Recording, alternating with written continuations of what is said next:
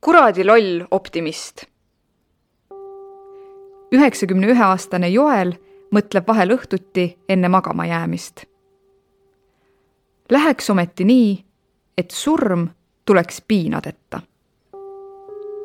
teda on kolm korda vähi tõttu lahti lõigatud ja tema selgroog on deformeerunud. vahel piinavad teda valud. kohtume Joeliga augusti esimestel päevadel tema Õismäe korteris, kus ta on elanud viimased nelikümmend kuus aastat. tal on peas palju valgeid juukseid ja samm on kõbus. kogu mööbel selles korteris on tema enda tehtud.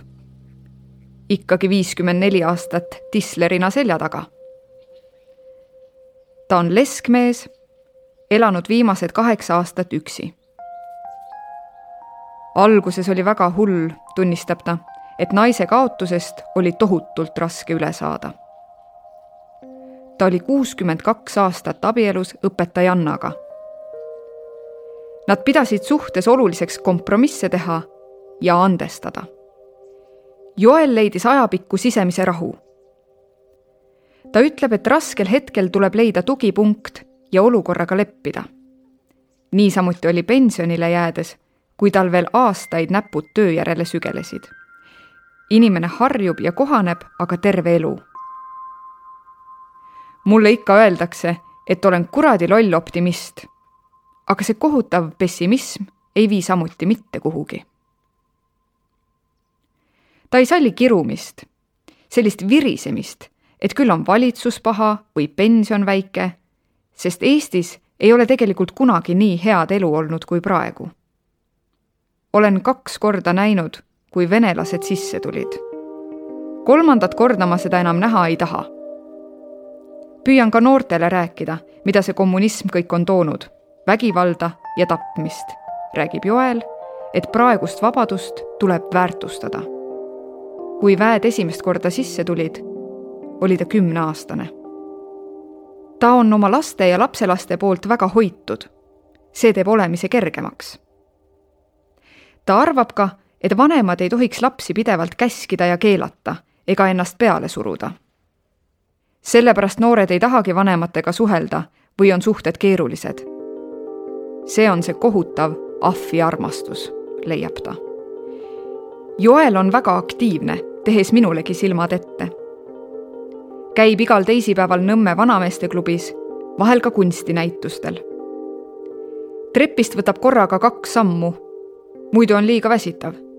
Seejuures ei ela ta esimesel, vaid viiendal korrusel. iga päev kõnnib umbes viis kilomeetrit, kokku kaks tundi. esimesed pool kilomeetrit on kõige raskemad, aga siis saab jäsemed liikuma ja naastes on võidukas tunne. sain tehtud hakkama sain. ta sööb kõike, aga mitte kunagi kurguni täis. napsu peab ka olema, aga end viltu juua ei tohiks. igal hommikul, kui ärkan, mõtlen, kas ma ikka elan või ei ela, ütleb sajandi künnise ületanud Linda hilissuvepäeval kui ta oma avaras ja puhtas Lasnamäe korteris eestiaegse söögilaua taga istet võtab. Linda tervitab mind erkkollases särgis laia naeratusega kõbusal sammul, kasutamata liikumiseks abivahendit. Lasnamäel elab ta kahe tuhande üheksandast aastast. enne seda elas ta pool sajandit Lillekülas korteris, mille ta omandireformi käigus loovutama pidi hommikupoole kipub ta torisema, et kõrge vanadus küll mingi õnn ei ole. õhtupoole on ta juba paremas tujus ja võtab siis mindki vastu. ta ei kuule hästi ja minu juttu aitab dubleerida tema kasupoeg Heiti. Linda võttis ta oma kolleegilt hoida, kui poiss oli kõigest kaheksakuune. nüüd on hoolitseja ja hooldatava rollid vahetunud. Heiti käib Lindaga suhtlemas ja teda aitamas iga päev kuigi paljude toimingutega saaks Linda ka ise hakkama. kõige rohkem ootab Linda kontakti aga kasupoja tütrelt Helelt, kes elab Tartus ja temale tihti helistab. Linda kaotas varakult oma isa ja venna ning tema abikaasat tabas äkksurm, tema rasedused katkesid. kõigele vaatamata on Linda alati optimistlik ja elab suhteliselt aktiivset elu veel nüüdki. tervise üle ta üldiselt ei kurda, kuigi seljavalusid tuleb vaigistada süstidega.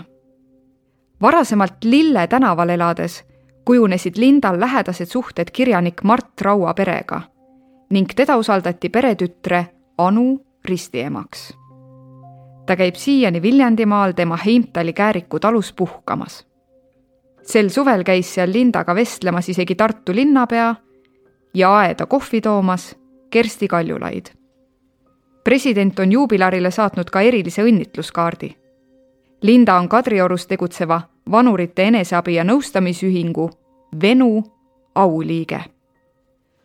kodus vaatab Linda telekast kindlasti Õnne kolmeteistkümmet ja loeb ilma prillideta põhjalikult Postimeest. väljas käimisi asendab enamasti avar rõdu, kus ta jälgib ja õpetab õues mängivaid lapsi. meie inimesed ja poliitikud peaksid üksteise vastu sõbralikumad olema, arvab Linda. noortele aga soovitab ta kasutada oma elupäevi täiel rinnal, kuni ollakse veel elujõulised. Heiti sõnul peab eakaga lävides olema kannatlik psühholoog mitte kunagi ei tohi vanuris tekitada muljet, et ta on üleliigne või teisi kuidagi segav. tülisid võimendada ei tohi. igaks päevaks tuleb seada eesmärke, olgu selleks külaskäik või toidukorra planeerimine. tuleb tekitada meeldivaid ootusi, arvab kasupoeg. voodisse ei tohi jääda ega halveneva tervisega leppida. võtan Heitiga uuesti ühendust novembris Lindal, kes käis jällegi Viljandimaal puhkamas, on kõik hästi. seitsmendal detsembril saab Linda juba saja kahe aastaseks. jättes kõrvale kõik arvukad eneseabiraamatud sellest, kuidas elus õnnelik olla, viitaksin kokkuvõttes ühele harukordsele, siiani kestvale Harvardi ülikooli uuringule, mis sai alguse juba tuhande üheksasaja kolmekümne kaheksandal aastal enam kui kaheksakümmend aastat kestnud uuringus jälgitakse mehi läbi terve nende elu ning see kinnitab, et meid hoiavad tervete ja õnnelikena head suhted.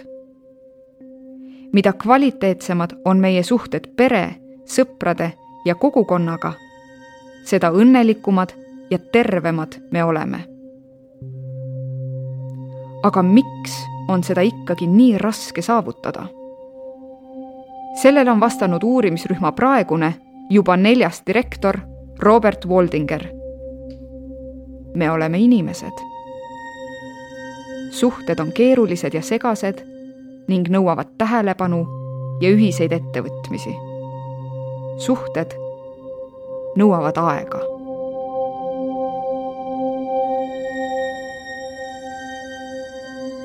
idee eksperdilt üksilduse vastu võitlemiseks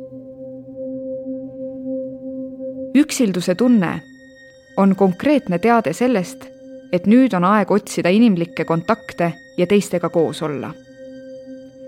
võiks mõelda läbi, kes see oleks, kellega vähegi võiks kontakti otsida ja otse öelda, et tunned end üksildasena ja vajad seltsi. eks see on eneseületus kindlasti. aga siin ei ole koht vale häbi jaoks. kõik võivad vahel end nii tunda ja vahel piisab väga vähesest et tunda end taas teistega ühenduses olevana.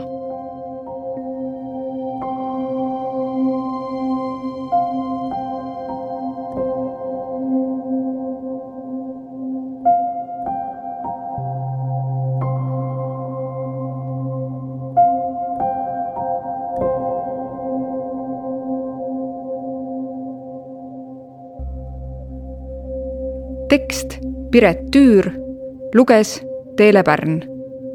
originaalmuusika ja helikujundus Janek Murd.